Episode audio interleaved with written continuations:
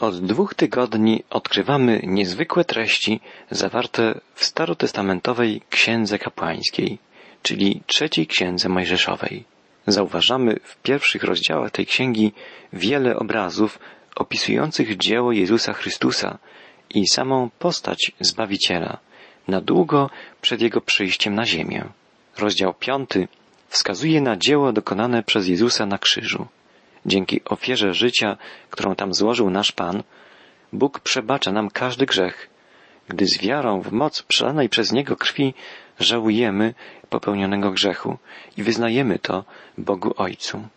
Izraelici składali ofiary zadośćuczynienia za popełnione wykroczenia przeciw prawu Bożemu.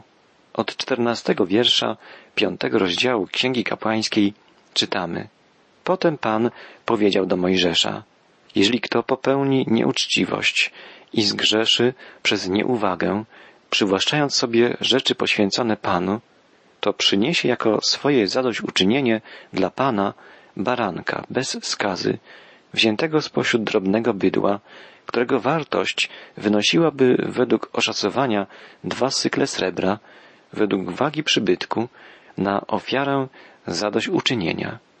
Jest tu mowa o wykroczeniu przeciw Bogu, polegającym na przywłaszczeniu sobie rzeczy poświęconych Panu, czyli jak gdyby oddanych Bogu. Jest to niejako okradanie Boga. W księdze Malachiasza czytamy Alboż godzi się człowiekowi oszukiwać Boga, jak wy mnie oszukujecie? Pytacie, w czym cię oszukaliśmy? W dziesięcinach i w ofiarach. Jesteście zupełnie przeklęci, bo wy i to cały naród ustawicznie mnie oszukujecie. Jeśli deklarujemy się, że chcemy oddawać Bogu dziesięcinę, a w rzeczywistości oddajemy mniej, to popełniamy poważny grzech. Przypomnijmy sobie, co stało się z Ananiaszem i Safirą, którzy zadeklarowali oddanie całego swego majątku Bogu, a część swoich własności ukryli, żeby zachować je dla siebie. Ponieśli natychmiastową śmierć. Czytamy o tym w Księdze Dziejów Apostolskich. Natomiast w Księdze Kaznodziei Salomona, w Księdze Eklezjastesa czytamy Lepiej, że nie ślubujesz wcale, niż żebyś ślubował, a ślubu nie spełnił. Ofiara zadośćuczynienia za grzechy tego rodzaju musiała być cenna. Musiał to być baranek bez skazy, o wartości dwóch cykli srebra według wagi przybytku, czyli według wzorca znajdującego się w namiocie spotkania. I tu znajdujemy kolejny symbol, kolejne wskazanie na Chrystusa. W pierwszym liście Piotra, w pierwszym rozdziale czytamy, że jesteśmy wykupieni nie srebrem, nie złotem, ale drogocenną krwią Chrystusa, jako baranka niepokalanego i bez zmazy. W końcowych wierszach piątego rozdziału Księgi Kapłańskiej czytamy Jeżeli kto zgrzeszy, czyniąc coś przeciwnego przykazaniom Pana, nie będąc tego świadomym i stanie się winny i popełni przestępstwo, to przyniesie kapłanowi baranka bez skazy, wziętego spośród drobnego bydła, według Twojego oszacowania, jako ofiarę zadośćuczynienia. Wtedy kapłan dokona przebłagania za jego winę, którą tamten zaciągnął przez nieuwagę, nieświadomie i będzie mu grzech odpuszczony. To jest ofiara zadośćuczynienia, bo naprawdę zawinił wobec Pana. Na podsumowanie tego fragmentu Księgi Kapłańskiej mowa jest o jakimkolwiek wykroczeniu przeciw Bożym przykazaniom, popełnionym nieumyślnie. Ignorancja odnośnie Bożego prawa nie usprawiedliwia popełnienia grzechów. Podobnie jest z prawem na przykład karnym, ustanowionym przez człowieka. Niewiedza czy nieświadomość nie zwalnia grzesznika z odpowiedzialności za popełnione wykroczenia przeciw Bożym przykazaniom. Przepisy regulujące sposób składania ofiar zadośćuczynienia są niemal takie same jak rytuał ofiar przebłagalnych.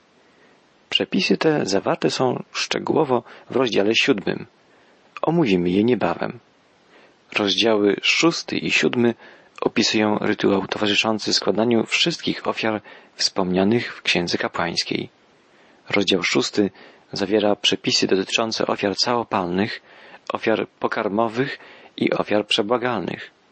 Rozpoczyna się on od poleceń skierowanych przez Boga do Aarona i jego synów, czyli do kapłanów. Kapłani, jako usługujący przy ołtarzu, byli zaangażowani przy składaniu wszystkich ofiar. To, co działo się na ołtarzu i wokół niego, jest cieniem rzeczywistości nieba, gdzie usługuje najwyższy kapłan Jezus Chrystus. W liście do Hebrajczyków czytamy w rozdziale ósmym Każdy bowiem arcykapłan ustanawiany jest do składania darów i ofiar. Przeto potrzeba, aby Chrystus też miał coś, co by ofiarował. Gdyby więc był na ziemi, to nie byłby kapłanem, gdyż są tu inni, którzy składają ofiary według postanowień prawa. Usługują oni obrazowi i cieniowi rzeczywistości niebieskich. Gdy bowiem Mojżesz miał zbudować przybytek, to w ten sposób został pouczony przez Boga. Patrz zaś, abyś uczynił wszystko według wzoru, jaki ci został ukazany na górze. Jeszcze bardziej zdumiewająca jest następna prawda. Jezus jest nie tylko kapłanem, ale jest też i ofiarą. Składa w ofierze siebie samego. Jest i kapłanem, i ofiarą. W dziesiątym rozdziale listu do Hebrajczyków czytamy od wiersza piątego. To też przychodząc na świat, mówi, nie chciałeś ofiar krwawych i darów, aleś ciało dla mnie przysposobił. Nie upodobałeś sobie w całopaleniach i ofiarach za grzechy. Wtedy rzekłem, oto przychodzę, aby wypełnić wolę Twoją, o Boże, jak napisano o mnie w zwoju księgi. Najpierw mówi, nie chciałeś i nie upodobałeś sobie ofiar krwawych i darów i całopaleń i ofiar za grzechy, które przecież bywają składane według zakonu, a potem powiada, oto przychodzę, aby wypełnić wolę Twoją. Znosi więc pierwsze, by ustanowić drugie. Mocą tej woli jesteśmy uświęceni przez ofiarowanie ciała Jezusa Chrystusa raz na zawsze, a każdy kapłan sprawuje codziennie swoją służbę i składa wiele razy te same ofiary, które nie mogą w ogóle zgładzić grzechów. Lecz gdy On złożył raz na zawsze jedną ofiarę za grzechy, usiadł po prawicy Bożej. Musimy dzisiaj w pełni uświadomić sobie tę prawdę. Jest wiele współczesnych religii, które kultywują rozbudowane obrzędy, rytuały, gdzie wymagane są określone gesty, stroje, świece i tym podobne. Niestety w kościołach chrześcijańskich też wykonuje się pewne czynności, które właściwie są bezwartościowe. Bóg jest duchem i chce, byśmy wielbili Go w duchu i w prawdzie. Musimy dostrzegać to, co jest nadrzędne, co należy do duchowej rzeczywistości i rzeczy drugorzędne, pełniące rolę pomocniczą, rolę przewodnika do rzeczy istotnych, zasadniczych. Ty i ja mamy najwyższego kapłana w niebie. Czytaliśmy, że zasiadł on po prawicy Boga Ojca, co oznacza, że dopełnił dzieła zbawienia. Jest to dzieło kompletne. Chrystus odpoczął po wykonaniu dzieła zbawienia, podobnie jak Bóg odpoczął po dokończeniu dzieła stworzenia. Nie oznacza to, że Jezus był zmęczony i że zaprzestał jakichkolwiek działań. Jezus zmarł za nas na krzyżu, tu na ziemi, by nas zbawić, a teraz w niebie, zasiadając po prawicy Ojca, troszczy się o nas, o nasze zbawienie. Ty i ja musimy trwać osobistej więzi z Nim, żeby być pewnymi zbawienia. To jest centralna prawda duchowej rzeczywistości, objawionej nam przez Boga. Największym naszym problemem dzisiaj jest brak więzi z żywym Jezusem. Nie jest On już dla nas rzeczywistym, realnym Panem, żywym, osobowym Bogiem. Pewien człowiek powiedział o swoim przyjacielu, za każdym razem, gdy go spotykam, odnoszę takie wrażenie, że właśnie przed chwilą rozmawiał z Jezusem. Tak, Jezus Chrystus powinien być obecny w naszym życiu na co dzień, jako żywy Pan. Powinniśmy z Nim chodzić, czyli pozwolić Mu na prowadzenie i przemienianie nas, tak żeby ciągle ubywało naszego ja, naszego ego, a przybywało miłości Chrystusa w naszych czynach, w naszych myślach i słowach. Pamiętajmy o tym, rozważając dalej treść Księgi Kapłańskiej. Przeczytamy fragment otwierający szósty rozdział, a w niektórych przekładach kończący piąty rozdział tej księgi.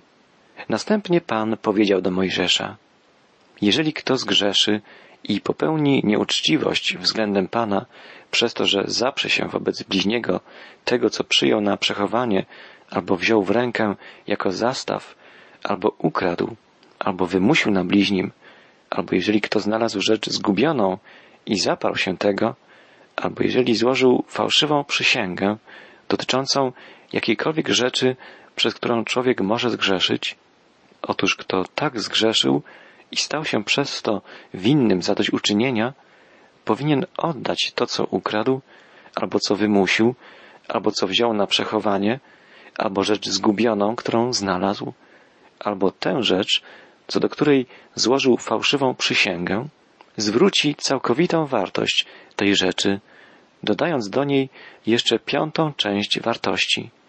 Powinien to oddać właścicielowi tego samego dnia i kiedy będzie składał ofiarę zadośćuczynienia. Potem przyprowadzi do Pana jako swoje zadośćuczynienie baranka bez skazy, wziętego spośród drobnego bydła, według Twego oszacowania, na ofiarę zadośćuczynienia, którą należy przyprowadzić do kapłana. W ten sposób kapłan za niego dokona przebłagania wobec Pana i będzie tamtemu odpuszczony jakikolwiek grzeszny czyn, który popełnił, zaciągając winę. Słowa te są szczególnym objawieniem prawdy, że grzech przeciw bliźniemu jest grzechem przeciw Bogu. Dlatego Jezus powiedział, jak czytamy w Ewangelii Mateusza, wszystko, co byście chcieli, żeby wam ludzie czynili, i wy im czyńcie, albowiem na tym polega prawo i prorocy. W tekście wspomniane są grzechy związane z nieuczciwością w postępowaniu wobec kogoś, kto pozostawił nam coś na przechowanie, lub gdy wzięliśmy coś jako zastaw, albo wymusiliśmy na kimś i teraz oszukujemy. Musimy sobie zdać sprawę, że wyrządzając bliźniemu krzywdę, grzeszymy przeciwko Bogu. Musimy więc przeprosić zarówno bliźniego, jak i Boga. Izraelici w takich przypadkach składali Bogu jako ofiarę zadośćuczynienia baranka, a bliźniemu musieli oddać to, co zagarnęli, dodając jeszcze jedną piątą wartości owej rzeczy. Nas, jako chrześcijan, powinna cechować uczciwość w naj, najdrobniejszych sprawach, w życiu na co dzień, w kontaktach z krewnymi, z sąsiadami, ze współtowarzyszami pracy oraz oczywiście w społeczności z innymi chrześcijanami. Nasza więź z Bogiem nie będzie prawidłowa, nie będzie w ogóle możliwa, jeśli nie będziemy dla innych zachęcającym wzorem uczciwości i prawości. Dalej, jak już wspomnieliśmy, szósty rozdział Księgi Kapłańskiej opisuje przepisy regulujące sposób składania ofiar całopalnych, pokarmowych i przebłagalnych. Najpierw mowa jest o ofiarach całopalnych. Czytamy od pierwszego wiersza szóstego rozdziału trzeciej Księgi Mojżeszowej. Dalej Pan powiedział do Mojżesza, rozkaż Aaronowi i jego synom, co następuje. Oto prawo odnoszące się do ofiary całopalnej Ofiara całopalna będzie na palenisku, na ołtarzu całą noc, aż do rana, a ogień ołtarza będzie na nim płonął. Ogień na ołtarzu całopalnym płonął nieustannie. Wyjątkiem były jedynie dni, w których zwijano cały obóz włącznie z namiotem spotkania i wyruszano w wędrówkę po pustyni. Wieczorna ofiara całopalna pozostawała na ołtarzu i ogień podtrzymywano przez całą noc, żeby strawił ofiarę zupełnie. Ogień płonął również przez cały dzień, gdyż od rana składano następne ofiary. Ogień nigdy nie wygasał. Jest to obraz nieustannego poświęcenia Chrystusa. Jezus mógł powiedzieć, zawsze czynię to, co podoba się Ojcu. Swoje posłuszeństwo i miłość wyraził nasz Pan w modlitwie, gdy mówił Ojcu o swoich uczniach. Za nich ja poświęcam w ofierze samego siebie, aby i oni byli uświęceni w prawdzie. Obraz stale płonącego ołtarza przypomina również, że i my powinniśmy składać Bogu w ofierze samych siebie. Nie możemy powiedzieć, tak jak Chrystus, że zawsze czynimy to, co się podoba Bogu. Jednak Bóg pragnie, byśmy jako Jego dzieci okazywali Mu trwale posłuszeństwo. Powinniśmy więc stale mieć w pamięci wezwanie apostoła Pawła z dwunastego rozdziału listu do Rzymian. Proszę was, bracia, przez miłosierdzie Boże, abyście dali ciała swoje na ofiarę żywą, świętą, Bogu przyjemną, jako wyraz waszej rozumnej służby Bożej. Nie bierzcie więc wzoru z tego świata, lecz przemieniajcie się przez odnawianie umysłu, abyście umieli rozpoznać, jaka jest wola Boża, co jest dobre, co Bogu przyjemne i co doskonałe. Przypomnijmy sobie, dlaczego król Saul został zbesztany przez proroka Samuela. Prorok powiedział, czyż milsze są dla Pana całopalenia i ofiary krwawe od posłuszeństwa głosowi Pana? Właśnie, lepsze jest posłuszeństwo od ofiary, uległość Bogu od tłuszczu baranów, bo opór jest jak grzech wróżbiarstwa, a krnąbrność jak złość bałwochwalstwa. Ponieważ wzgardziłeś nakazem Pana, odrzucił się on jako króla. Takie zdecydowane słowa prorok Samuel skierował do pierwszego króla Izraela, Saula. Nie po to Bóg polecił składać ofiary, by ktokolwiek z ludzi traktował je jako sposób na uspokojenie swojego sumienia. Jesteśmy gotowi, jak król Saul, do dawania Bogu tego, co uznamy za słuszne. Co my uznamy za słuszne. Ofiary wskazują jednak na Chrystusa i na Jego dzieło. Wskazują na posłuszeństwo naszego Pana i Mistrza względem Boga Ojca. Podobnie i my powinniśmy Bogu posłuszeństwo okazywać w każdym dniu, w każdym naszym czynie. Mamy ofiarować Bogu nasze serca i umysły, czyli po prostu siebie. Całe nasze życie powinno być do dyspozycji Boga. Czytamy dalej. Potem kapłan włoży szatę lnianą i spodnie lniane na ciało, usunie popiół z ofiary całopalnej, którą ogień strawił na ołtarzu i wysypie go obok ołtarza. Następnie zdejmie ubranie, włoży inne szaty i wyniesie popiół poza obóz, na miejsce czyste. Bóg dał dokładne instrukcje nawet co do ubioru kapłana. Zakładał on nie tylko długą lnianą szatę, ale także lniane spodnie. Dlaczego? Jego ciało musiało być okryte w całości. Bóg nie może zaakceptować uczynków ciała. W liście do Galacjan czytamy Jest rzeczą wiadomą, jakie uczynki rodzą się z ciała. Nierząd, nieczystość, wyuzdanie, uprawianie bałwochwalstwa, czary, nienawiść, spór, zawiść, wzburzenie, niewłaściwa pogoń za zaszczytami, niezgoda, rozłamy, zazdrość, pijaństwo, hulanki i tym podobne. Co do nich zapowiadam wam, jak to już zapowiedziałem, ci, którzy się takich rzeczy dopuszczają, Królestwa Bożego nie odziedziczą. To zdecydowane słowa apostoła Pawła, apostoła narodów. Bóg nigdy nie zaakceptuje uczynków zrodzonych z ciała. Tylko owoce Ducha Świętego mogą zadowolić Boga. Duch Święty, przemieniając nas, może wytworzyć je w naszym życiu.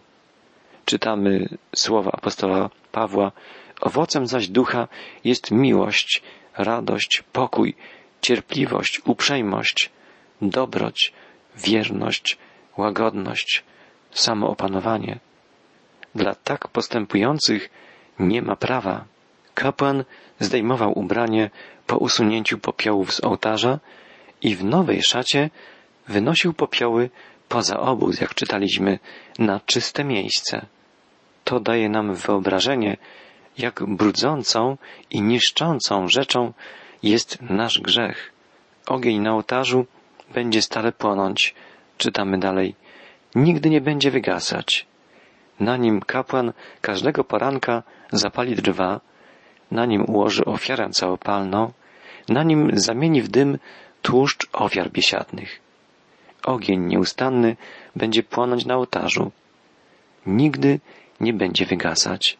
Tu dwa razy powtórzona jest prawda, że ogień na ołtarzu całopalnym ma płonąć nieustannie. Rankiem uzupełniano zapasy drewna i składano całopalną ofiarę poranną, a na nią kładziono tłuszcz ofiar biesiadnych. Boży ogień płonie nieustannie. Dla ludzi wierzących jest to ogień oczyszczający. Dla tych, którzy odrzucają Jezusa, jest to ogień Bożego gniewu. Kto wierzy w Syna, ma życie wieczne. Kto zaś nie wierzy Synowi, nie ujrzy życia, lecz grozi mu gniew Boży. Ale kto wierzy w Jezusa, ma życie wieczne. Zakończmy nasze dzisiejsze spotkanie krótką modlitwą. Drogi Panie, dziękujemy, że zbawiasz nas, gdy chwytamy się Ciebie wiarą i że prowadzisz nas przez życie, gdy Tobie ufamy.